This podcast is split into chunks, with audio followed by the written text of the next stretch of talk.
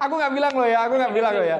Bahasa Inggrisnya acak adul, background perhotelan nggak ada, pengalaman kerja mungkin juga Sosok lah, lah seperti itu ya. Kok bisa naik?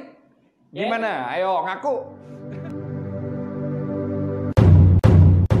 Assalamualaikum warahmatullahi wabarakatuh.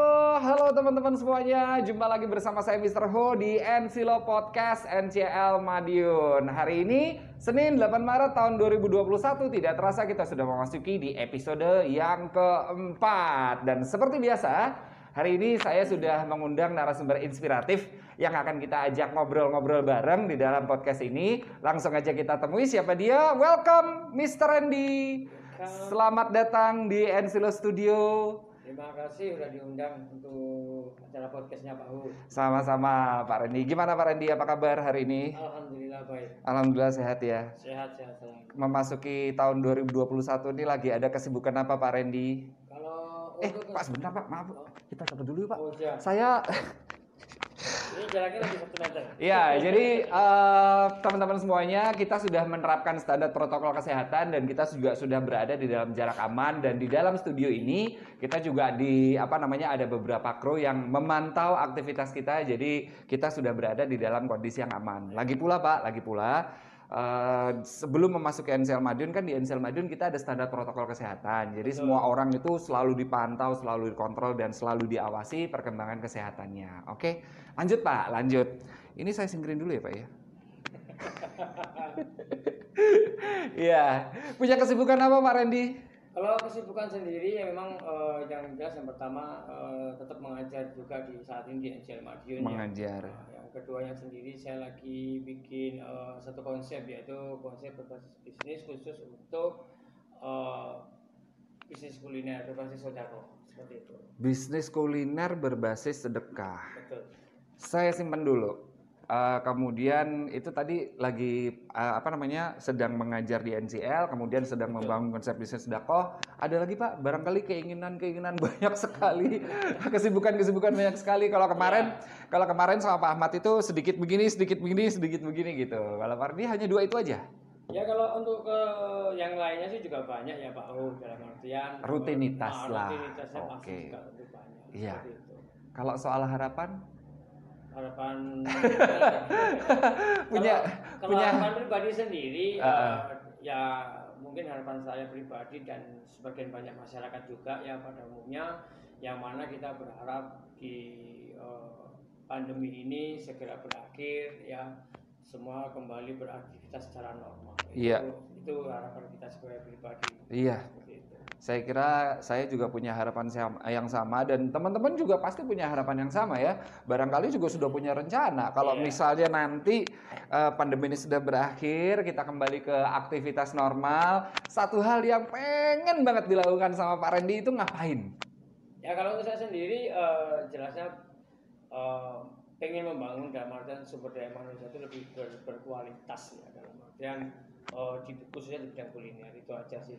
Ingin membangun ingin membangun sumber daya manusia di bidang kuliner supaya lebih berkualitas. Teman-teman tidak perlu bingung kenapa Mr. Randy ini saya hadirkan di sini karena seperti yang sebelum-sebelumnya eh, apa ya nanti kita akan berbicara banyak lah ya. Saya tidak akan bocorkan di sekarang nanti biar beliau sendiri yang akan bercerita. Itu tadi kan harapan pribadi ya Pak ya. Iya, betul. Kalau harapannya buat hmm, buat NCL deh. eh kok tiba-tiba ketawa? Karena kalau untuk sa- satu lembaga pendidikan Iya. seperti NCL yang Iya. mana eh, sebagian besar masyarakat di Jawa Timur khususnya di Madiun eh, mereka juga sudah paham ya mengenai NCL sendiri yes. eh, pendidikan ya. Mm-mm. Harapan saya pribadi untuk di NCL sendiri ya tentu Pak Hu, eh, saya berharap bahwa secara mutu dan kualitas pendidikan di NCL itu tetap dijaga dengan baik dan lebih mungkin diupgrade lagi supaya kita tidak ketinggalan dengan eh, apa materi-materi yang mungkin di dunia industri itu kita eh, butuhkan. Iya, iya. itu. Jadi harapannya bisa berkembang terus. Berkembang terus. Semakin betul. berkembang, semakin bermutu, Betul. semakin berkualitas. semakin berkualitas. Ketika kita mencapai mutu dan kualitas, akhirnya kita dicari. Dicari. Iya. Kuantitas akan mengikuti. Oke, oke, Iya. oke. Soal kualitas dan kuantitas itu juga saya simpen dulu ya nomor dua setelah eh, apa tadi namanya eh, konsep bi apa tadi ya? Bisnis sodako. bisnis sodakoh. Eh, cuma Eh, saya ingin eh, Mr. Randy atau Pak Randy bisa cerita sedikit lah profil perjalanan singkat mulai dari kan pasti dulu juga sama ya artinya kita semua punya perjalanan hidup yang kurang lebih sama Per- pernah sekolah pernah ah macam-macam lah monggo monggo silakan silakan Kalau untuk background sekolah sendiri, memang saya basicnya lebih ke otomotif ya Pak. U. otomotif Iya, otomotif dulu. mesin berarti Mesin, iya. Wow. Betul. Oke. Sampai hari ini pun juga saya senang otomotif. iya iya iya Kemudian eh, selanjutnya juga saya meniti eh, ke yang jenjangnya lebih tinggi, ya saya ngambil eh, kuliah hukum waktu itu, kemudian sembari saya bekerja. Kuliah? Tetapi, eh, akan tetapi eh, memang lagi-lagi ya eh, ekspektasi tidak sesuai dengan kenyataan. Apa Iya. yang kita mimpikan itu eh, terkadang Tuhan itu memberikan jalan yang lebih baik. Iya, Nah, iya, itu iya. Seperti itu. Makanya waktu itu awalnya memang saya eh, autodidak, jadi tidak sekolah seperti anak-anak sekarang di NCR. iya iya Mereka mendapatkan pendidikan yang layak. iya iya itu. iya Skill dan knowledge. Ya. Kalau saya dulu enggak langsung nyemplung pak. iya iya iya iya Jadi iya. ya awal Oke. karirnya memang saya dari level bawah. Iya. Jadi secara autodidak. Saya menarik yang eh, ekspektasi tidak sesuai realita. Jadi kan Iya. eh, memang sih ya eh, apa namanya di dalam di dalam perjalanan hidup kita itu kita kan pasti punya harapan, kita pasti punya keinginan, cita-cita, impian. Mungkin juga saat ini ada sebagian dari teman-teman yang menyaksikan video kita itu juga mungkin pernah merasa di titik yang sama, Betul. punya harapan, punya ekspektasi, tapi tidak sesuai dengan realita. iya, realita. Sebenarnya cita-cita dulu apa? Kok bisa masuk dari otomotif, kemudian ke hukum, kemudian ke sekarang kuliner? Kayaknya tidak ada yang Yang nyambung deh, nggak Ah, nggak ada yang nyambung. Otomotif ini sendiri, hukumnya sendiri, kulinernya sendiri. Kayaknya nggak ada yang ber, nggak ada itu gimana itu? Emang cita-citanya apa sih Ya, awalnya? Kalau, kalau saya pribadi Ah, ah. dulu ya pengennya eh, lebih suka otomotif memang Pak U. Jadi memang ya dulu lah masih zaman waktu dulu ya. Iya iya Kita iya. Masih remaja ya istilahnya ugal-ugalan lah seperti itu. Iya. Nah, podcast ini harus bikin pengakuan. Kita sendiri sih Mm-mm. sebenarnya ya kita wajar-wajar saya nggak terlalu nggak punya target khusus bahwa saya harus seperti ini enggak. Oh enggak. Jadi saya memang em, pengen mengikuti aja alur eh, Mengalir. ah, mengalir aja. Jadi Iya. apa pun pekerjaan bagi saya dicintai. Dicintai. Oh, apa pun pekerjaannya harus dicintai. Dicintai, Oke. Betul. Eh, saya mau ini apa namanya mau klarifikasi. Dengar-dengar kabar sih, dengar-dengar kabar. Coba saya ingin mendengar langsung dari Mr. Randy. Mr. Randy emang bener ya asli kelahiran Madiun? Ya Pak, U, eh, memang saya asli dari Madiun ah. Eh, tempat masa kecil saya pun di Nambangan Kidul situ. Nambangan gitu Iya, situ. betul. Oh, alah dekatnya Sleko itu iya, ya. depan pasar Seko Ah, persis ah, situ. ah, cuma ah, ah. memang eh, dulu ikut eh, lebih banyak keluar ya dalam artian Iya. Lebih ikut orang tua dulu merantau Iya. dan sebagainya dan akhirnya saya ditumbuh dewasa pun juga saya jarang pulang Iya. ke Madiun, nggak pernah. Ah, ah. Paling pulang dua tiga tahun sekali, kadang-kadang enggak seperti itu. Iya, soalnya saya lihat Facebooknya ya kan, kok lebih sering berada di luar Madiun, ada yang di Persia, ada yang di Bali, ada yang di eh, kapal pesiar juga. Perjalanan gimana? Perjalanan dilanjutkan lagi. Jadi setelah lulus dari bidang otomotif, Mhm, sempat kuliah. Sempat kuliah juga. Eh, Pak, sebentar, sebentar. Lulus, Pak. Alhamdulillah lulus. Apa? eh, D3 atau S1? S1 Pak. S1, Pak. S1. S1 jurusan hukum. Hukum. Luar biasa. Saya baru tahu loh ini, serius. Jadi kalau mungkin kalau nggak dengan podcast ini saya tahunya Mr. Randy itu adalah seorang chef seperti itu. Ternyata punya Punya Pak. punya ya, punya latar belakang hukum ya. Oke. Kemudian setelah itu kenapa kok tidak mengambil jalur hukum, Pak? Kan sudah punya keilmuan Eh, ya. Gini Pak, Eh, dulu saya eh, kok nggak salah ingat waktu masih di semester 4 ya waktu itu Iya. memang karena latar belakang keluarga memang eh, sederhana lah. Tidak Iya. ini Iya. dalam, dalam artian dalam pembiayaan saya waktu masih kuliah dulu itu pun sendiri saya cari sendiri Pak U. Jadi kuliah Jadi belum sambil kerja. Wow. Nah, akhirnya di situ sempat saya hampir stuck 6 bulan. stuck itu maksudnya berhenti, gitu. Berhenti, saya tidak mengikuti kuliah lagi. Oke. Karena lagi-lagi eh, udah merasakan enaknya cuan. cuan. itu yang nggak bisa saya pungkiri. Iya iya Nah, iya. Tapi waktu itu saya dipanggil oleh dosen pembimbing saya. Iya. Bahasanya oke lah, enggak apa-apa. Tapi paling tidak lanjutkan, sayang. Paling tidak selesaikan, Selesaikan, lah. itu. kemudian Akhirnya, eh, ya udahlah tetap saya ikuti eh, anjuran beliau Mm-mm, saat itu tetapi secara feel secara feeling kok saya lebih suka di dunia industri lebih suka di dunia Oh, kerja. dunia heeh. kerja gitu akhirnya Iya iya iya.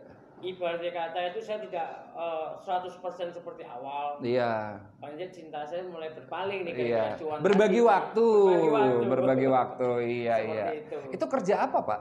Eh, saya kerja di restoran fine dining Hu, waktu itu. Di- Ya, boleh tahu di daerah- oh, di Surabaya. Iya, di Surabaya. Berarti kuliahnya juga di Surabaya dong? Kuliahnya sebenarnya dulu awal mula kan di Brawijaya Pak Hu. Brawijaya Malang. Brawijaya Malang. Kemudian? Nah, kemudian cuma satu tahun saya pindah. Nah, Bisa ya Pak kuliah pindah-pindah gitu. ya itu lagi lah Pak. Karena Iya.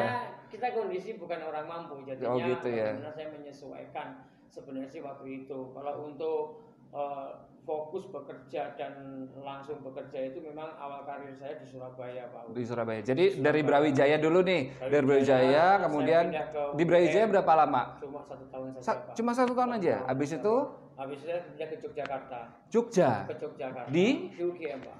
Universitas Gajah Mada. Gajah Mada. Pernah di situ Pak? Pernah di situ. Berapa lama Pak? Sampai lulus di situ? Sampai lulus di situ. Oh berarti eh, keilmuannya lulusan UGM. UGM. Berarti Kagama. Hah? Kagama.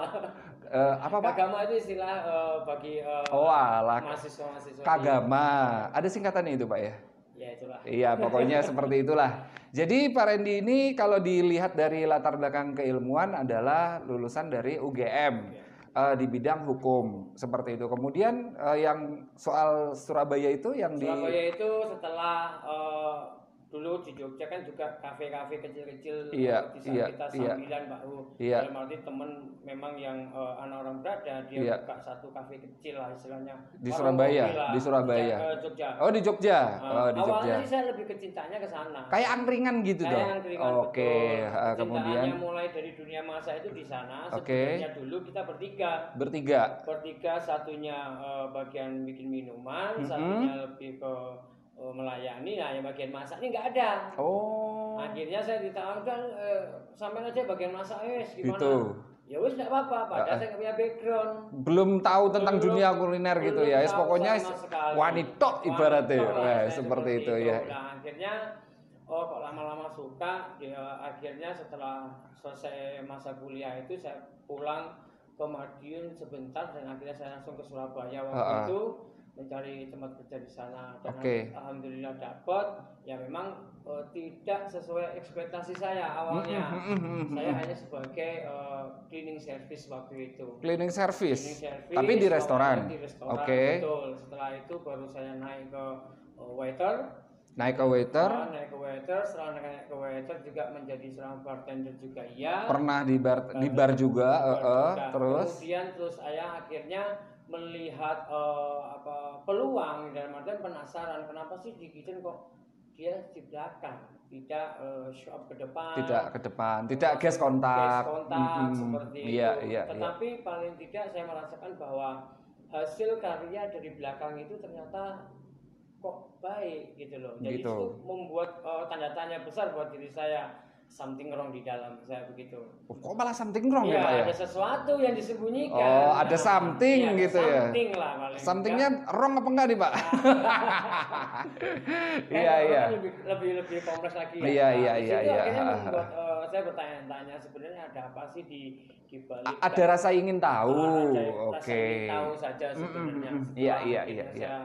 Sering intens saya ngobrol dengan beberapa tim kitchen Iya. anak-anak dapur itu Heeh. akhirnya ternyata kok kayak ada sesuatu daya tarik dari situ dari Ah, ah, situlah ah, ah, akhirnya saya memberanikan diri untuk menyampaikan hal ini yang dalam hati saya ke chefnya waktu itu itu Oke. sikunya dia orang dari langsung dari Shanghai China Dari oh dari Cina. sampai Memang itu Cina. restoran Chinese food? Chinese food. Oh, oke oke. Chinese- Kemudian Chinese food ya, kemudian saya ngobrol bahwa keinginan saya ingin belajar eh, seperti rekan-rekan yang ada dan dia sampaikan bahwa kamu bisa tetapi kamu harus belajar kembali dari nol dari Oh. bawah seperti itu. Ngomongnya pakai bahasa Indonesia Oh, atau beliau pakai bahasa Indonesia bisa. bisa bahasa Indonesia? Bisa bahasa Berarti udah Indonesia. lama di Udah lama, udah lama di- ya. oh, Oke. Udah lama. Kemudian Kemudian eh, saya bilang oke eh, bisa support saya untuk saya bisa berpindah ke departemen kitchen dia bilang mm-mm. oke tidak apa-apa kita bulan depan kita mulai. Nah, saya pikir waktu itu eh, peluang bagi saya lagi-lagi di luar ekspektasi. Saya pikir mungkin saya bagian preparation atau bagian apalah ya ternyata ah. enggak. bagian apa, Pak?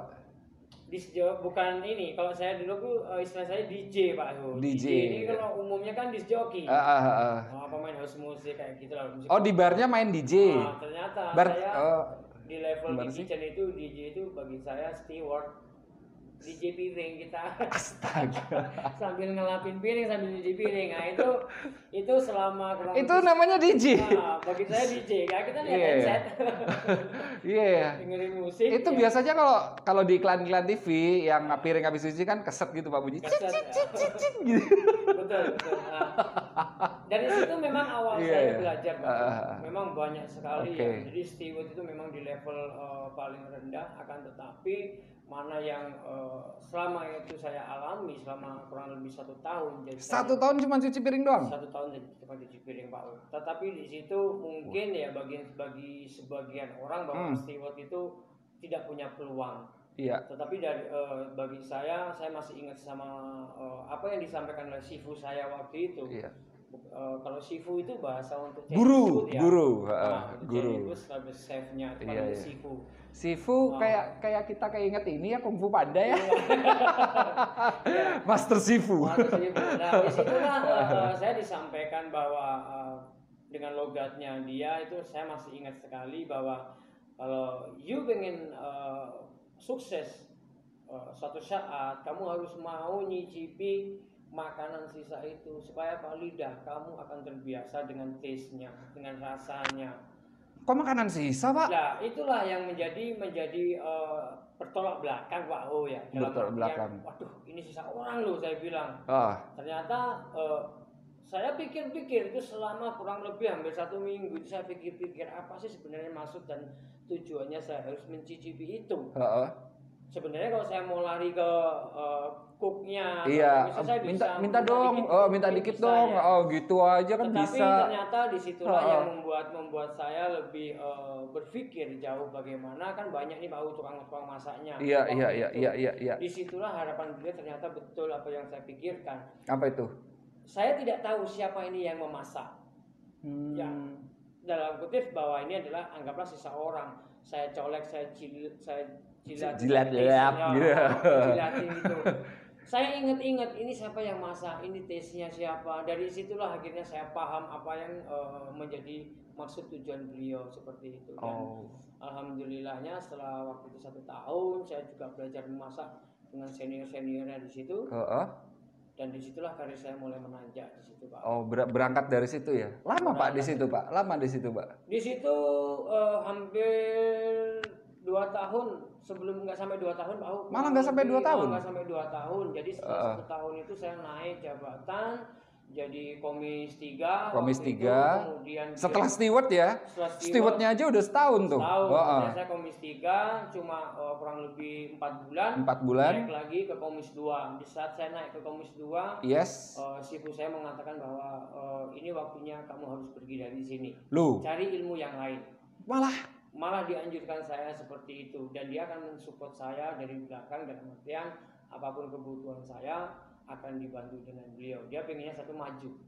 Sebentar, sebentar. Ini supaya nggak salah persepsi ya sama teman-teman juga. Maksudnya disuruh keluar itu dipindahkan atau mohon maaf dipecat Oh gitu. tidak, tidak dipecat, tidak. Memang memang eh, basically eh, chef itu dia pasti akan paham eh, dengan kualitas dan kuantitas kita sebagai Oke. timnya. Iya, iya, iya. Kenapa Melihat potensi ya. Melihat potensi itu Oke. dia tidak mau nanti saya stuck di situ. Oh, begitu. Iya. Pengennya bisa Pengen saya berkembang. berkembang. Karena wah, ini orang ada ada bakat Ada nih. bakat, wah, ada ada potensi Nah, nih seperti memang, itu. eh, Rata-rata semua chef itu mereka memiliki itu seperti Oh. itu. Jadi mereka melihat timnya bahwa siapa yang bisa berkembang dengan baik, someday mungkin bisa Iya. mungkin setara ya Pak. Iya, Boy, iya, ya. iya, iya. Yaitu Berarti eh, ada ini ya, ada ada apa ya namanya ap- apa?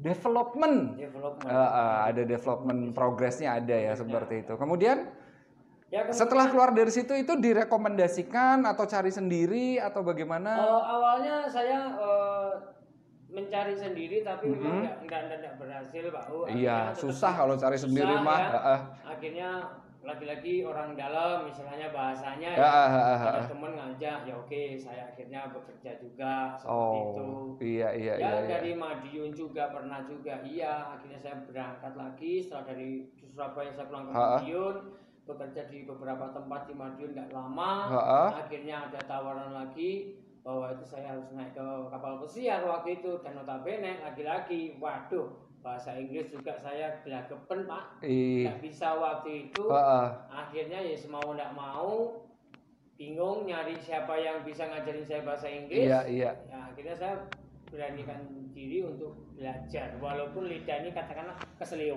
Iya. Eh sebentar Pak. Eh, ini mungkin mungkin saya agak flashback dulu ke Ah. belakang ya. Jadi eh, pada saat Pak Randy itu di Jogja kuliah, kemudian Ah. masuk semester 4 sudah mulai bekerja di angkringan. yang ringan Kemudian ada teman-teman teman teman ngajak. Jadi setelah eh, ke Surabayanya itu setelah lulus. Setelah lulus. Setelah lulus dari Jogja, kemudian di Surabaya bekerja itu steward satu tahun. Kemudian oleh chefnya, oleh chefnya kemudian disarankan untuk bisa direkomendasikan atau disarankan untuk bisa upgrade seperti itu. Kemudian setelah upgrade pindah sana, pindah sini, pindah sana, pindah sini. Kemudian eh, disarankan lagi untuk naik ke cruise. Eh, ditawarin teman Pak U. Ditawari teman, Oh, ah, iya ah, aja. ah, ah. Pada saat itu ya memang saya pikir, waduh, gimana caranya? Nota saya, saya Bahasa. Inggris kan? Bahasa Inggris. Iya, oke, bisa. sip. Sip. Ibaratkan saya, waduh di kapal pesiaran Ah, ah. bagaimana? Ada background sekolah perhotelannya nggak? Nggak ada saya. Nggak ada. Nggak ada. Iya. Jadi memang saya autodidak murni ya. Mulai langsungnya Mulai nyemplungnya langsung dari nyemplung dunia kerja ya. dunia kerja. Awalnya Oke, dari sip, sip. Tadi. Iya, menariknya gini Pak, menariknya gini. Pak Randy kan sekolah SMP lulus, Iya. SM, SMK atau SMA? SMK. SMK, mes, eh, STM ya zaman dulu ya. SMK lulus, pendidikan S1 lagi.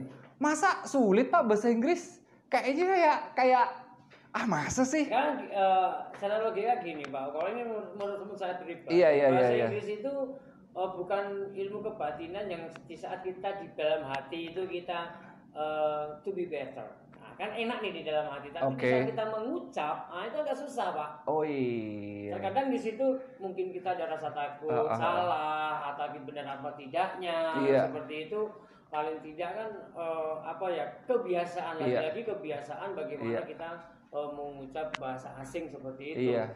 nggak mungkin dong kita harus dalam hati tok Iya, iya. ibaratkan seperti itu sih Pak Un Iya. ya Ju- cuma ya memang itu kebiasaan saja Pak Iya, jujur sih Pak, sebenarnya saya itu sebenarnya hanya ingin eh, mengambil apa ya bahan riset aja sih sebenarnya karena saya sendiri sering menjumpai lulusan dari eh, lulusan perguruan tinggi, sekolah tinggi seperti itu yang mereka notabene-nya itu sudah pernah mengikuti pendidikan dalam waktu yang relatif lama, tapi kok nggak bisa bahasa Inggris.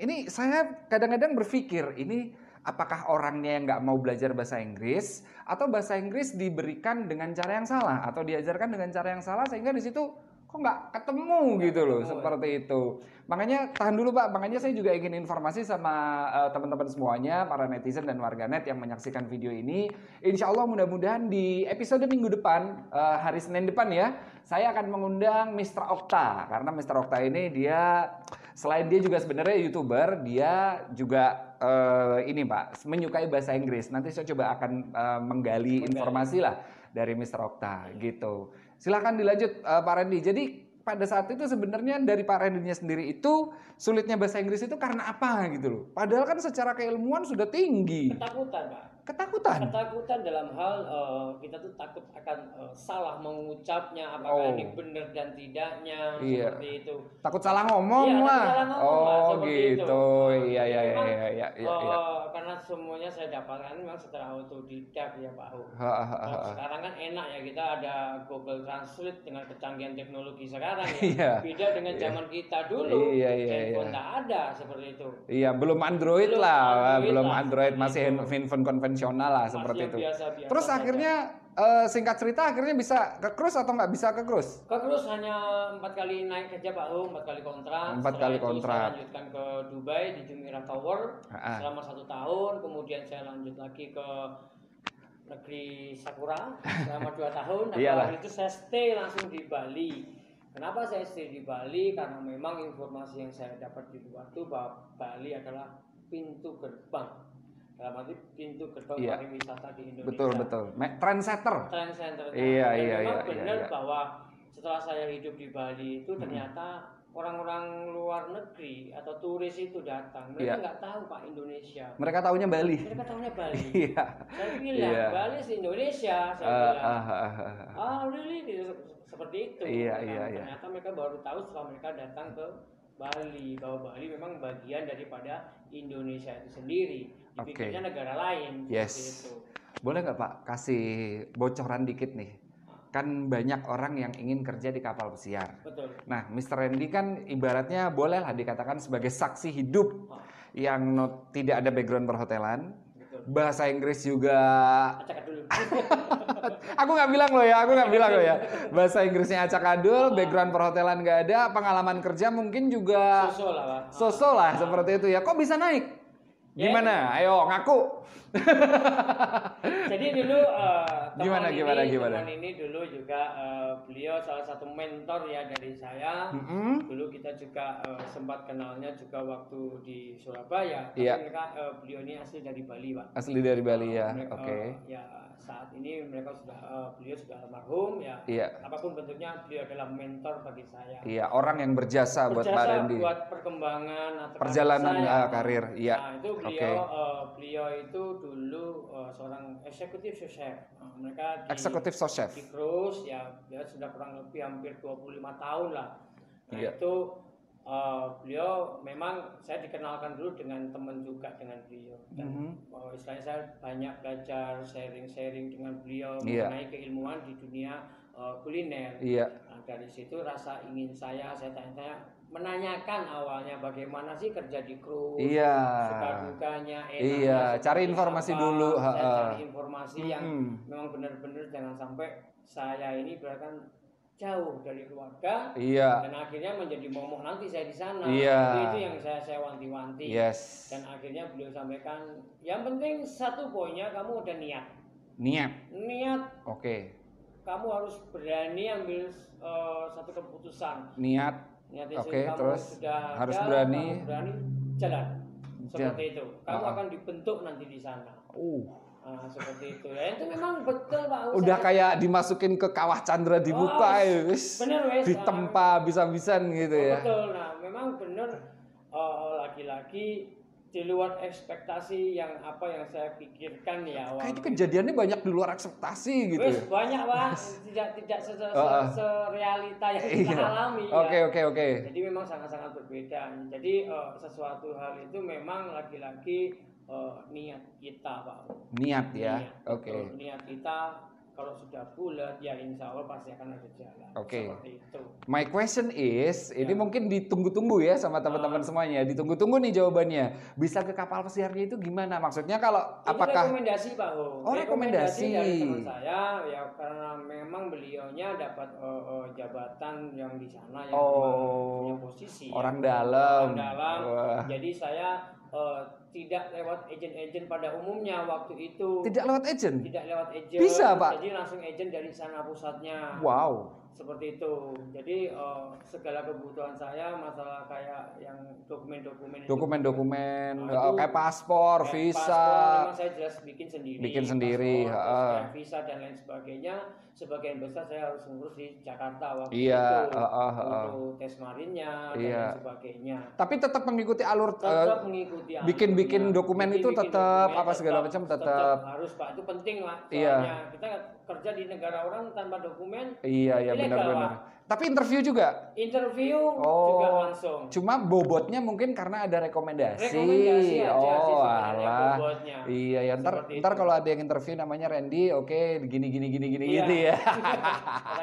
Iya, oke kita kita tidak tutup mata lah seperti itu. Memang memang hal-hal seperti itu memang sering kita temui kayak gitu. Nah kemudian di cruise eh, apa Pak? Komik tadi terakhir di bawah kan waktu di darat komis apa Pak terakhir tadi? Komis dua waktu itu. Komis dua ya dia. Ah, Kemudian ke betul. cruise, lanjut Terus apa? Steward lagi pak. Steward lagi Pak. Steward lagi. DJ lagi? DJ lagi. Oke, empat. Karena kalau kalau aturan di di eh, yang saya tahu Iya, itu iya, iya. sendiri Ah, ah, ah, ah, ah. kita jabatan seorang komisi satu Ah, ah. tetap awalnya harus tetap Uh, harus tetap steward ya. steward dulu. Berapa lama itu Pak? Terakhir eh, enggak gini aja.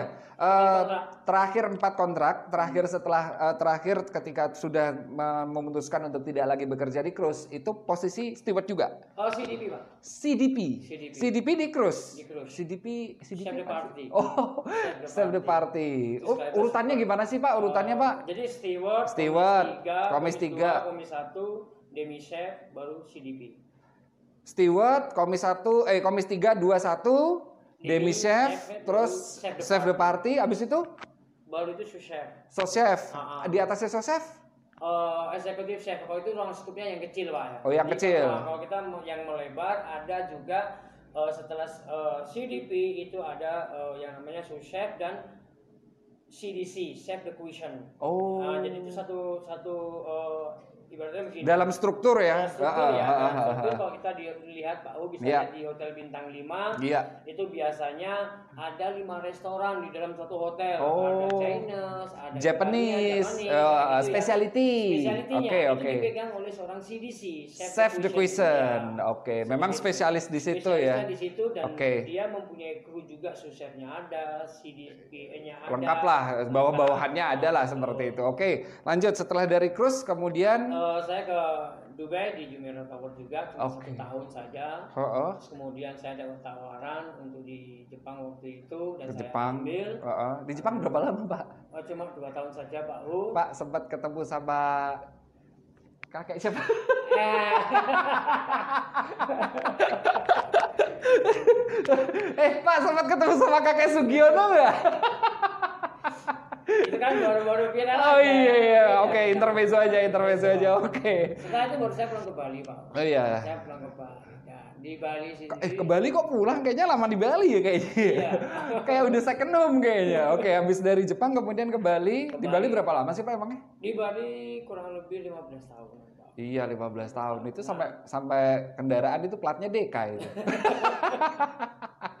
Oke. Ya, eh, jadi eh, karir saya itu berkembang pesat itu memang di Bali. Di. Bali ya, Di Bali berkembang pesat yang notabene di Bali sendiri banyak ribuan hotel, Terus- restoran fine Betul. dining.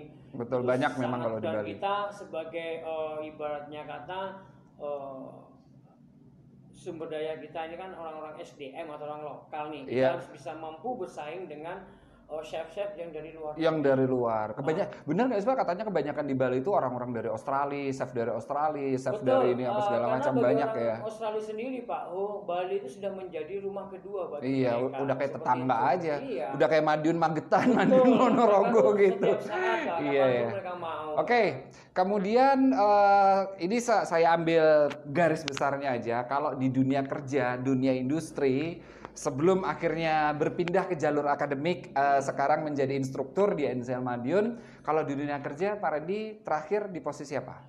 Eh, terakhir saya dulu enam tahun yang lalu itu saya eh, Mhm. jabatan terakhir eksekutif chef Pak U. Eksekutif chef? Iya betul. Eksekutif Eh, chef itu yang paling tinggi loh, Pak. ya seperti itulah terus akhirnya eh, saya lagi-lagi dapat eh, salah satu eh, teman saya melihat ini eh, teman saya itu eh, chef Alexander Eric ya. Terus saya melihat chef Vindek ya. Yang mana notabene mereka ini juga seorang eksekutif chef yang notabene mereka juga menjadi seorang konsultan ya Sering. konsultan Sering tuh Pak ketemu sama chef-chef terkenal gitu, Pak. Ya alhamdulillah Pak ya dalam arti kita di Bali istilahnya sering ketemu say hello ya apalagi dengan dengan eh, Sama- chef-chef yang terkenal ya itu Ah. ya contohlah chef Suna, Renata dan lain sebagainya itu ya mereka sering di Bali Ngopi juga. bareng sama mereka. Ya kurang lebihnya seperti itu kita Wah, hello karena iya, kita iya. sama-sama dari Se eh, seprofesi ya, seprofesi ya, ya, Kalau ya. akrab ya enggak, Pak. Kita sama sama-sama iya, tahu, iya. seperti itu aja. Iya iya. Terus apa namanya? eh, apa yang membuat apa yang membuat Randy ini tidak apa ya kan sudah sudah sebenarnya kan kalau secara karir mungkin Iya. secara mungkin loh ya mungkin secara finansial itu sudah mapan sudah punya posisi dan segala macam kok ngapain sih repot-repot harus ngajarin anak-anak ya kan? Apalagi siswa. Ya saya sih bukan mengunderestimate ya Iya, tapi menjadi seorang pengajar menjadi seorang guru itu setidaknya butuh sabar butuh telaten harus bisa ngayomi dan lain sebagainya betul, betul. seperti Nah. itu. Nah apa motivasinya? Kok eh, berpindah? Padahal sudah berada di zona-zona yang sangat-sangat nyaman apa yang membuat motivasinya apa yang memotivasi Itu yang para saya garis bawahi, Iya, iya, iya. Zona nyaman itu saya tidak suka. Nggak suka? Saya tidak suka di zona nyaman karena paling tidak kalau saya suka di zona nyaman, keilmuan saya akan stuck.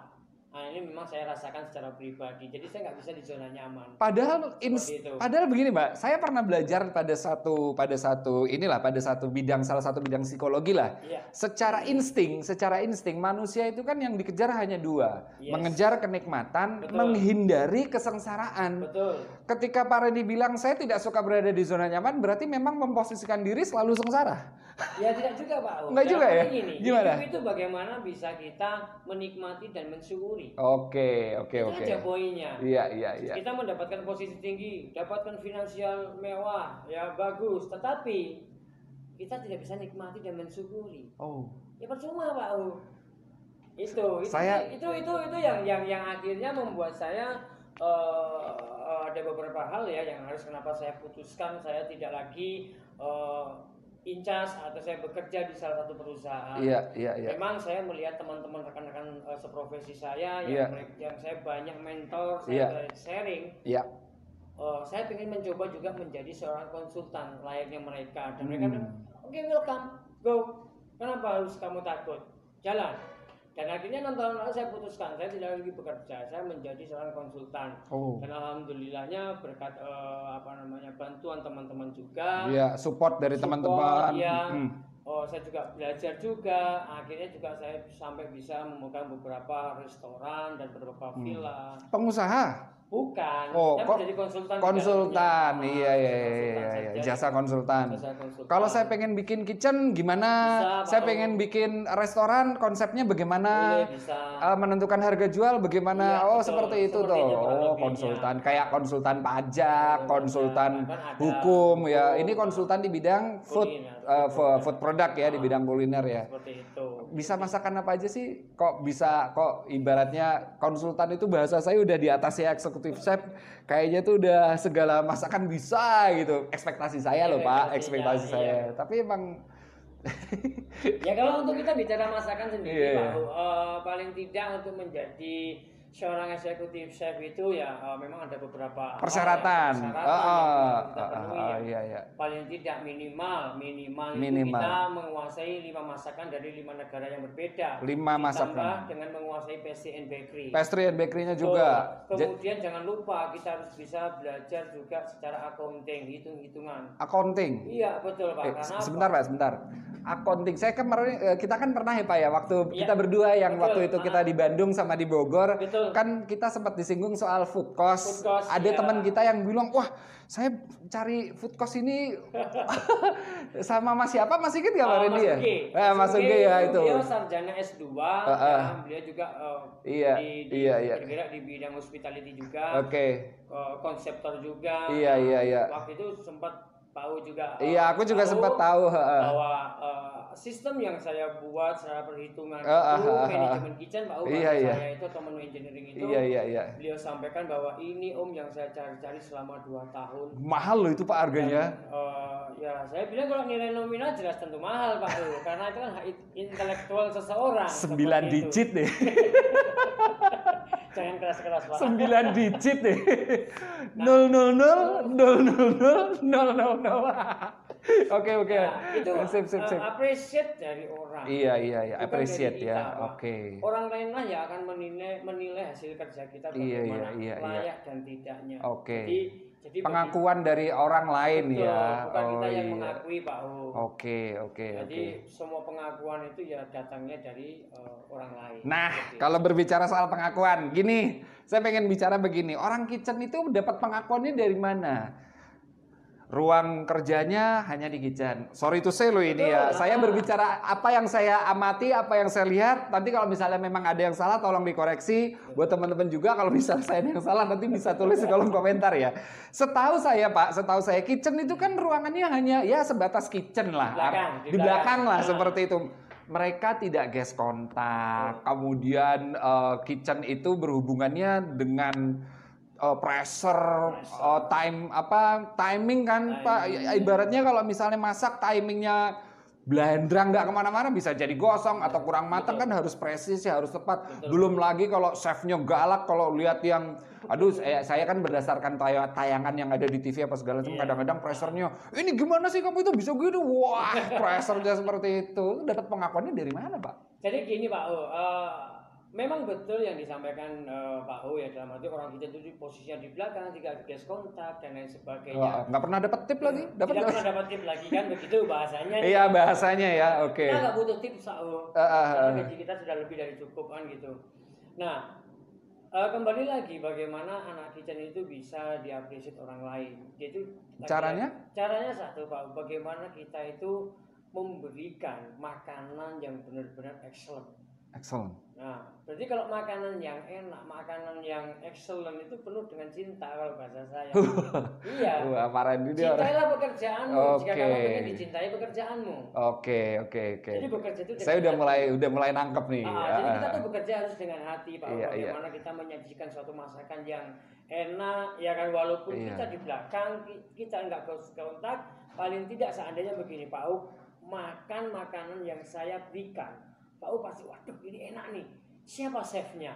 Hmm Siapa gitu ya. yang masak? Pasti akan ditanya seperti itu oleh guestnya Iya, atau oleh iya. customernya Pak Uk. Iya iya. Dari iya. situlah paling tidak kita mau mendapatkan appreciate ya, paling Iya. kita mendapat reward Ah, ah, ah. bahwa makanan hasil yang kita eh, buat, kita olah itu mendapatkan appreciate yang oh ini kita bukan bicara tips ya, kalau tips itu satu hari habis tahu.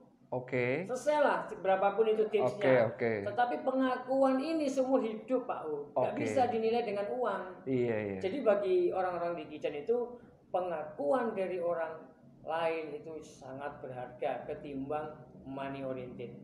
That's it. Oh nggak artinya mungkin gini.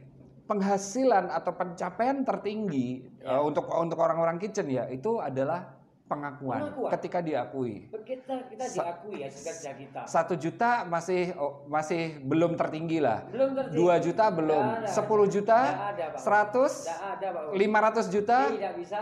satu miliar Tidak bisa dinilai dengan uang. tidak bisa dinilai Tidak dengan dinilai uang. dengan Artinya uang. ketika masakanmu memang begini, chef. Betul. Itu, wah itu nggak bisa diuangkan ya. Nggak bisa di- Dan itu adalah bentuk uang. apresiasi. Bentuk apresiasi dari kebanggaan buat kita, Pak U. Berarti begini, artinya kan seorang juru masak, katakanlah seperti itu ya, entah itu chef atau demi chef atau koki atau apalah, seorang juru masak berarti kan dia seperti aset, Pak. Bener Ya. nggak? Misalnya gini, misalnya misalnya ada restoran atau ada hotel, eh, yang masak adalah saya nih. Iya. Kebanyakan tamu-tamu itu udah familiar dengan Familiar, bahasa restoran. ah. Tiba-tiba kemudian saya pindah digantikan Mr. Randy. Ah. Bisa jadi beda kan tuh? Sangat beda. Artinya terus kalau misalnya beda kemungkinan iya kalau cocok. Iya. Kalau ternyata nggak cocok kan akhirnya jadi ah nggak seenak yang kemarin gitu. Ah, itu betul. sering terjadi kayak gitu Sering pak. terjadi di dunia industri, Pak. Oh. Makanya eh, Ketika kita bisa menciptakan sebuah cipta rasa Cipta, yang kita munculkan dari rasa cinta betul sekali. terwujud di dalam bentuk makanan, Makanan. yang itu memiliki kualitas. Nah, betul. Di situlah akhirnya kita bisa menjadi aset. aset. Kalau orang seperti saya gini bisa nggak pak ya jadi aset? Bisa aja, Pak. Semua orang tuh eh, eh, Nah, saya nggak bisa masak loh pak. Oh, Gimana tidak. caranya? Kan jalur kan banyak, Pak. Oke. Dalam artian tidak harus menjadi seorang chef, kita menjadi aset bagi satu perusahaan Oh, ya. iya. Paling tidak kayak Pak U yang notabene Pak U ini seorang marketing ya. Ini Iya. juga aset, Pak. Bagaimana eh, marketing ini membuat suatu nama perusahaan itu menjadi besar. Marketing kan banyak orang bisa marketing pak. Oh, belum tentu, Pak. Hah? Belum tentu, belum tentu. Sama kayak orang masak tadi ya. Sama Semua orang oh, masak. semua Kita- orang bisa masak. Ah, betul. Iya. Bagaimana ini tadi loh Pak U? Kita bekerja dengan hati, Oke. dengan kita bekerja Iya, iya. about the money oriented dengan uang itu loh. Yes, saya dapat saya dapat ininya. Saya dapat eh, apa namanya? benang merahnya. Saya dapat intinya jadi memang apa pun yang harus dilakukan apa pun yang dilakukan itu harus dilakukan dengan hati. Oke. Bang. Terakhir sebelum saya tidak sebelum eh, kita sudahi apa namanya podcast ini untuk yang tadi di awal yang saya penasaran Iya, betul. soal kok apa? Bis. Ah, itu apa sih, Pak? Eh, jadi gini Pak Hu, bisnis sodako ini Itu eh, proyeknya Mr. Andi pribadi saya ya tuh. sendiri, eh, Oh. project saya sendiri. Saya nggak diajak, Pak. saya welcome buat siapa saja saya Oh, gitu ya? Ah. Oke, oke, oke, oke. Tapi eh, lagi-lagi gini Pak Hu, Ah, ah, saya ah. membuat eh, dari tiga minggu eh, satu bulan ini ya, saya bulan ini saya di Madiun Sekerasi Denan, Iya. saya eh, lagi-lagi itu terpatahkan dengan image bahwa di Madiun itu kalau kita mau bisnis Yes. di bidang kuliner harus murah, enak, banyak. Memang itu, Pak. Ah, masalahnya saya keliling di mana pun ini tidak ada. Masa nggak Tiga icon ini tidak ada. Murah, enak, banyak di mana? Saya kasih challenge. Wah, nggak belum Siapa pun ketemu ya. Mungkin ketemu. murah, mungkin murahnya Murah, dapat. Dapat ada. Contoh soto seribu, Ah, ah. soto tiga ribu ada. Iya, tapi tapi rasanya about the taste. oke Pak. about the taste ya. Iya. Oke, oke. Jadi, Yang yang centang tiga kategori itu Oh, belum ada ya? Belum ada. Keliling habis ini kita. Keliling kita. Makanya Iya, iya. di situlah Ah, ah. akhirnya saya berpikir selama kurang lebih satu bulan juga ah. Nah, itu akhirnya ya saya juga lagi-lagi bahwa kami ini eh, manusia ini kan tempatnya salah ya Iya, iya, betul, betul. tetaplah kita kembalikan ke Iya. yang di atas dan kita minta petunjuk Yes. bagaimana sih eh, jalan yang terbaik dan Iya. alhamdulillahnya kemarin saya sempat eh, menemukan hitung-hitungan secara hitung-hitungan kalau kita di dunia industri ya 1000% ya akan matching pak Oke.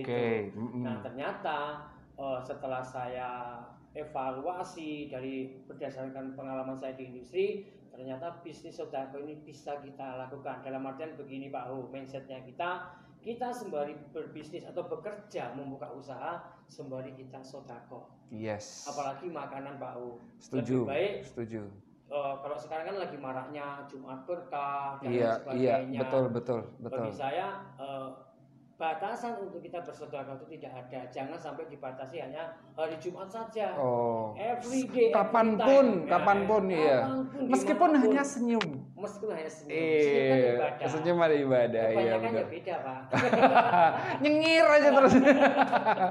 Oke. Seperti itu kurang Ya, jadi konsep eh, bisnis apa tadi ya Pak? Konsep apa Pak? bisnis sedekah. Bisnis sodako artinya di dalam di dalam bentukan bisnis ini ada Iya. nilai sodakohnya. Sodakohnya. Jadi sambil kita berbisnis kita juga bisa sambil bersodako. bersodako juga. Oke, mu- mudah-mudahan nanti ada kita punya sesi yang lain, Mbak. Amin. Kita bisa kita Siap, bisa siap. mengulik bisnis sodako ini lebih dalam lagi. Iya. Siapa tahu nanti teman-teman juga ada yang berminat untuk apa untuk ikut eh, joinan Sharing-sharing lah, lah, sharing-sharing ya. lah di Boleh. bisnis sodako. Tentang NCL. Pak Randy kan pengajar nih di NCL. Eh, pengajar di bidang food product ya kan. Iya. Kalau melihat dari ruang praktek, kemudian materi, sistem pendidikan mulai dari A sampai Z yang ada di NCL Madiun tentang food product dari angka 5 sampai 9 kasih angka berapa? Pribadinya Mr. Randy loh. Ayo. 5 itu yang paling bawah, 9 paling tinggi. Kalau di kita angka bicara, berapa? eh, kita bicara dulu ini Pak, Eh, kita bicara dulu mengenai perlengkapan. Perlengkapan. Nah, perlengkapan Iya. eh, bagi saya mungkin di angka 9 untuk perlengkapan di di di NCL ya bukan bukan berarti saya Kok pakai mungkin sih? eh, gini Pak, bukan Gimana, gimana? saya bekerja di sini terus di Ah, NCL terus ah. saya sampaikan bahwa ini yang terbaik. No. Oke. Kenapa begitu? Secara eh, fasilitas, ruang praktek, ya, terus eh, equipment utensilnya Iya. itu sudah sangat cukup memadai, Pak. U. Dibandingkan Dibandingkan dengan eh, anggaplah restoran atau kafe-kafe yang kecil itu aja mereka nggak seperti itu. tidak seperti itu. Oke. hasil skalibernya, skalanya sudah Oke, menggunakan skalanya. equipment yang industri. Ya, dari equipmentnya berarti 9. Sembilan. Dari sisi lain, Kalau di di eh, materi Materi, oke, dan materi pendidikan. Yang, yang, Mas masih lagi-lagi menjadi tugas dan tanggung jawab kita bersama ya. Iya, Karena Tugasnya Pak Randy dong, kan instrukturnya Pak Randy. tidak bisa Pak. Ini kalau saya single factor ya tidak bisa seperti itu. Oh, harus bekerja Kita sama. tim. Oke. Ya, tim itu berarti mencakup semuanya. Oh. Ya, kalau saya bekerja sendiri Pak, timnya lain tidak support bagaimana? Oh iya benar. Adanya bentrok, kan begitu. Cakep. Kan begitu. Iya, Jadi iya, iya. bagaimana Teamwork kita- ya. Teamwork yang baik, Betul. komunikasi, eh, komunikasi yang baik, Iya. itu harus kita wujudkan. Iya. Terkadang orang gini, visi dan misinya gede segambrang, tapi zero, Zero itu maksudnya gimana, Pak? kosong. Oh, Hanya cuma sebagai Formalitas. ya, formalitas. Oke. Goalnya enggak ada. Yang di sini yang yang makanya saya sampaikan eh, untuk kualitas pendidikan ini Mhm. saya sampaikan bahwa mutu dan kualitas harus kita benar-benar jaga dengan baik. Ya. Yang mana menjadi tugas kita bersama. Oke, berarti Bukan- saya juga saya juga Betul. terlibat tuh. Semua ya, Pak. Semua. Ini berarti nih kameramen kameramen ini juga punya tugas nih. itu tugas tugas karena kita ini adalah satu tim Pak. Iya, Kita iya, benar, betul. Satu kesatuan ya. Satu kesatuan. Mencapai visi dan misi yang sama. Betul, goalnya kita. Goalnya betul. apa? Betul. Oke, Nah, oke. Karena kan eh, laki-laki eh, Pak U juga eh, paham ya. Iya. dalam artian siapa pun di dalam membangun bisnis atau membangun usaha apa pun Iya. itu sangat mudah sekali. Oke. Kapan pun bisa. Iya, iya, Ya iya. kan? Bahkan Tetap- tanpa modal pun bisa. tanpa modal pun bisa. Iya, benar, ya kan? benar, benar, benar, benar. Tetapi bagaimana setelah usaha ini berjalan, Oke. kita mempertahankan mutu dan kualitas. Mempertahankan mutu dan Ini yang kualitas. sangat-sangat eh, Berat apa ya. Berat Pak. Iya, iya, iya. benar orang-orang Kalau yang- ngejar sih gampang ya. ngejar gampang. Bertahan karena ada motivasinya. Motivasinya. Tapi, Karena kalau bertahan itu waduh. waduh, susah Pak. Kita itu kan semakin hari eh, perkembangan zaman ini kan semakin maju dengan teknologi. Ah, Iya, iya, iya. lagi-lagi, eh, teamwork yang baik, komunikasi yang baik akan memunculkan suatu mutu dan kualitas di satu lembaga itu jauh lebih baik. Pertanyaan saya, Pak. Betul. Angkanya berapa, Pak? Dari 95 sampai 9. Kalau tadi kan kalau tadi utensil peralatan kasih 9 oke lah. Ini sekarang kalau dari ini kasih angka berapa nih? Kalau untuk Eh. hal ini eh, jujur Pak U, eh, saya Eh, masih- jujur lah. Jujur ya. Mm-mm, jujur Saya lah. angka 5 aja dulu. 5, Pak. Saya angka 5 dulu. 5. 5 berarti paling bawah, Pak. Ya nggak paling bawah kan masih ada 4, 3, 2, 1 kan? Enggak, kan pertanyaan saya kan paling bawah 5, Pak. Paling bawah 5. Eh kan, nah ini nih, Pak Randy nggak fokus. Oke, saya saya saya saya ini lagi, Pak. eh, kalau untuk NCL Madiun kasih nilai berapa? Tadi kalau untuk perlengkapan dan segala macamnya 9. Oke, eh, five star lah seperti itu. Dari angka 5, Pak, sampai angka 9 itu untuk sistem pendidikan di angka berapa, Pak? Yakin di angka 5? Kalaupun di angka 5 begini Pak. Ah, alasan gimana? saya bahwa kenapa Ada di angka alasan. 5, itulah menjadikan motivasi kita bersama. Oke, berarti Bukan kita kita bukan mengklaim ya, mengklaim. bukan- oke. Tidak, itulah menjadikan motivasi kita bersama. kita harus terus kita berkembang. evaluasi, kita harus berkembang, jangan bangga dengan kondisi kita saat ini. Oh, Itu akan menjadikan bumerang buat kita. oke. Seperti itu. Iya, iya. Jadi iya. kalau kita sudah bangga dengan kondisi saat ini, Iya, iya. ingat dunia ini berkembang pak. Oke. Someday kita pasti akan ditabrak. Someday kita pasti akan ditabrak. Pasti akan ditabrak. Iya sih, saya pernah nulis di update status loh. iya, buat teman-teman, saya pernah bikin status gini pak. Kalau misal kalau misal dapat enaknya, udah tinggal dinikmatin, disyukurin. Ah. Tapi kalau pas dapat nggak enaknya, siap apa enggak? Betul. Seperti itu. Jangan enaknya aja. Iya, Yang iya. enaknya bagaimana? Oke, oke. Makanya eh, nilai poin 5 itu bukan berarti kok ini jelek tidak. Bentar Ya. pak, saya mau izin dulu sama pak kameramen ya. Eh, boleh minta satu menit lagi? Boleh ya? Oke, boleh. Soalnya dari tadi udah di kode Pak, woi durasi, durasi, durasi gitu. Saya ada, Maksudnya? saya gimana ya? Ada saya eh, saya ada feel yang berbeda ketika berbicara dengan Pak Randy seperti itu. Nah, maksud saya begini, kalau tadi kan katakanlah Mr. Randy itu mengkritisi sistem pendidikan di NCL Madiun itu kalau menurut Mr. Randy 5. Maka kritik eh, kritisa apa sih bahasanya? Kritiknya itu dalam bentuk apa? Apa yang kira-kira perlu dibenahi? Tiga poin teratas aja deh, biar nggak lama-lama. Saya tahu namanya hashtagnya tukang maido itu enak, iya kan? Enak maido itu enak. Tiga poin terpenting yang menurut Mr. Randy harus ada di NCL Madiun untuk bisa menciptakan mutu dan kualitas. Satu bagi saya adalah bahasa Inggris pak. Oke, bahasa Itu Inggris. yang harus eh, menjadi pembelajaran buat kita semua ya. Oke, on progress. Bagaimana kita eh, lulusan di NCL Madiun itu Yes. paling tidak mereka bisa conversation, Oke. bisa komunikasi. At least they can talk with English. Yes, Wah, betul. gini ya. Harus itu. ini Oke, bisa. Harus ya. Harus Bahasa Inggris is a must. It's number one. Oh, number one. Kemudian Nomor dua. yang, yang, eh, keduanya adalah di dalam eh, pemberian eh, materi yang benar-benar materi ini adalah secara realita fakta di dunia industri Sesuai sesuai yang dengan apa yang di dunia yang kerja, di dunia industri. kerja, Iya, iya, itu. iya. Acuannya dari mana, Pak? Ya acaranya kita eh, bisa mengambil dari banyak banyak ini Pak O ya eh, banyak pembanding ya mungkin Hmm. kita bisa studi banding dengan universitas lain Oke. ya lembaga-lembaga lain Oke. ya mungkin kita bisa eh, kunjungan ke dunia industri Betul, betul, jadi kita betul. bisa menyesuaikan karena Apa sih yang dibutuhkan apa gitu? sih yang dibutuhkan di dunia industri Oke, sehingga kita di sini prepare-nya juga pas. Prepare-nya enak Pesennya nasi goreng jangan sampai dikasih bakso. betul Tamunya komplain nanti, Pak. Saya pesennya nasi goreng, maka kalau dikasih nasi goreng, oke sesuai ekspektasi. Betul. Tapi kalau dikasih nasi goreng, ada kerupuknya, ada baksonya, ada seafoodnya gratis lagi. Wah, itu ya. Iya, Oh, masuk, masuk, betul. masuk, masuk. Oke, oke, oke. Terus yang terakhir adalah Nomor eh, tiga? nomor tiga adalah eh, secara prakteknya sendiri, Pak. Eh, kalau saya melihat, kalau untuk di mungkin di departemen saya sendiri ya, Iya, di departemen sendiri eh, saya sendiri karena memang saya juga baru di NCL, saya baru eh, dua kali angkatan dalam artian di sini sudah ada pembedaannya. Yang dulunya dua kelas itu hanya tujuh kali pertemuan, sedangkan yang satu kelas bisa sampai 16 kali pertemuan. Wow. Nah ini yang harus dikaji ulang. 16 kali pertemuan, Pak. Betul. Wah, Ini kan saya membandingkan di saat saya dua kelas dengan eh, dua kelas eh, mahasiswa produk itu saya hanya tujuh kali pertemuan. oke. Jadi hanya satu kali di praktek, eh satu kali di ruang kelas untuk kita materi, Iya. teori, enam kalinya kita praktek. Teorinya cuma sekali. Cuma sekali, 6 bisa kali praktik. Artinya bisa. artinya prosentasenya kan lebih banyak praktek gitu. Betul. Oke, terus Sedangkan di angkatan yang kedua ini Mm-mm. saya satu kali di eh, kelas Mm-mm. teori itu 15 kali saya praktek dengan full day lagi. teorinya cuma sekali, Oh. lebih banyak prakteknya. Praktek, 15 itu prosentasenya enggak itu prosentase 90% loh Pak Sama. kalau seperti itu. Nah, 90% praktek di itu NCL. itu itu yang yang menjadikan bahan evaluasi saya selama dua angkatan ini Pak. Iya, iya, iya. Dalam artian jika kita eh, tetap menjaga mutu dan kualitas Yes. harus seperti yang angkatan kedua.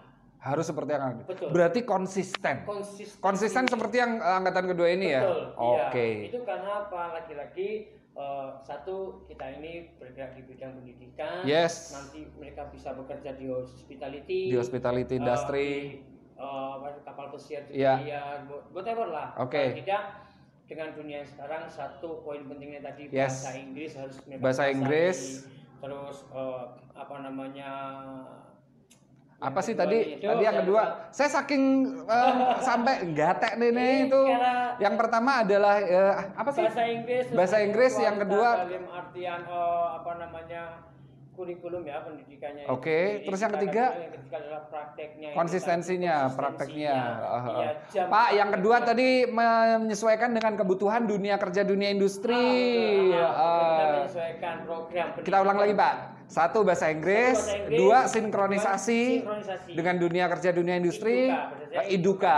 Yang ketiga adalah jam praktek jam prakteknya konsisten. lebih konsisten itu. bisa lebih panjang. Oke, Betul. terima kasih banyak Mr. Randy atas waktunya dan sharing-sharingnya. Mudah-mudahan ini bisa jadi manfaat dan inspirasi buat kita semuanya. Jangan lupa buat teman-teman yang menyaksikan video dia ini dari awal sampai sekarang ini terima kasih banyak. Thank you so much. Arigato gozaimasu. Pokoknya mucho gracias ya buat kalian semua. Dan saya sampai lupa untuk menyapa teman-teman yang mungkin saja baru bergabung di channel ini. Yuk kita klik tombol subscribe dan juga bunyikan lonceng notifikasinya supaya teman-teman tidak ketinggalan info-info terbaru atau konten-konten terbaru yang kita hadirkan lewat berbagai media sosial dan juga channel YouTube seperti ini. Kalau misalnya nanti ada saran, ada request, ada komentar ataupun ada sesuatu yang ingin disampaikan, boleh kontak kita lewat via lewat nomor WhatsApp ya di nomor yang nanti akan saya berikan di kolom deskripsinya. Closing statement dari Mr. Randy. Ada nasihat atau ada kata bijak atau ada sesuatu yang ingin disampaikan yang ini menjadi mungkin s- wah ini nih apa closing statementnya dari Mr. Randy?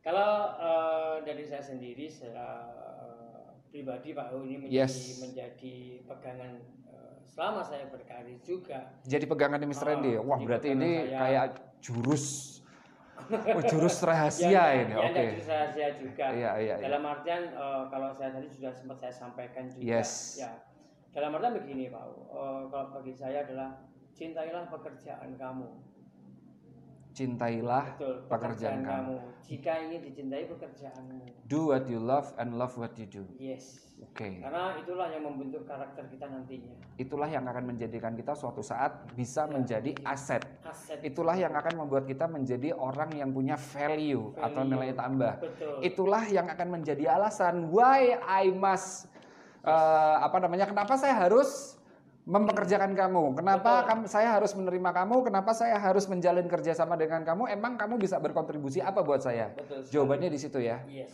Cintailah pekerjaan. cintailah pekerjaanmu Iya iya. jika Oke. pekerjaanmu akan mencintaimu kan begitu Iman Cintailah pekerjaanmu dan pekerjaanmu akan mencintai dan pekerjaan itu akan juga akan mencintaimu dan akhirnya saling mencintai. Saling mencintai. Wah, ini seharusnya kita nggak boleh tes, kita harusnya berpelukan. Oke, kita tos dulu, Mr. Randy. Sip. thank you. Terima kasih banyak untuk waktu-waktunya. semuanya, Sip. thank you Iya. Undangannya Pak Terima kasih juga buat semua kru yang udah sabar menanti ya. Pokoknya eh, selamat dan sukses buat Mr. Randy. Have a nice day. Bye bye. bye bye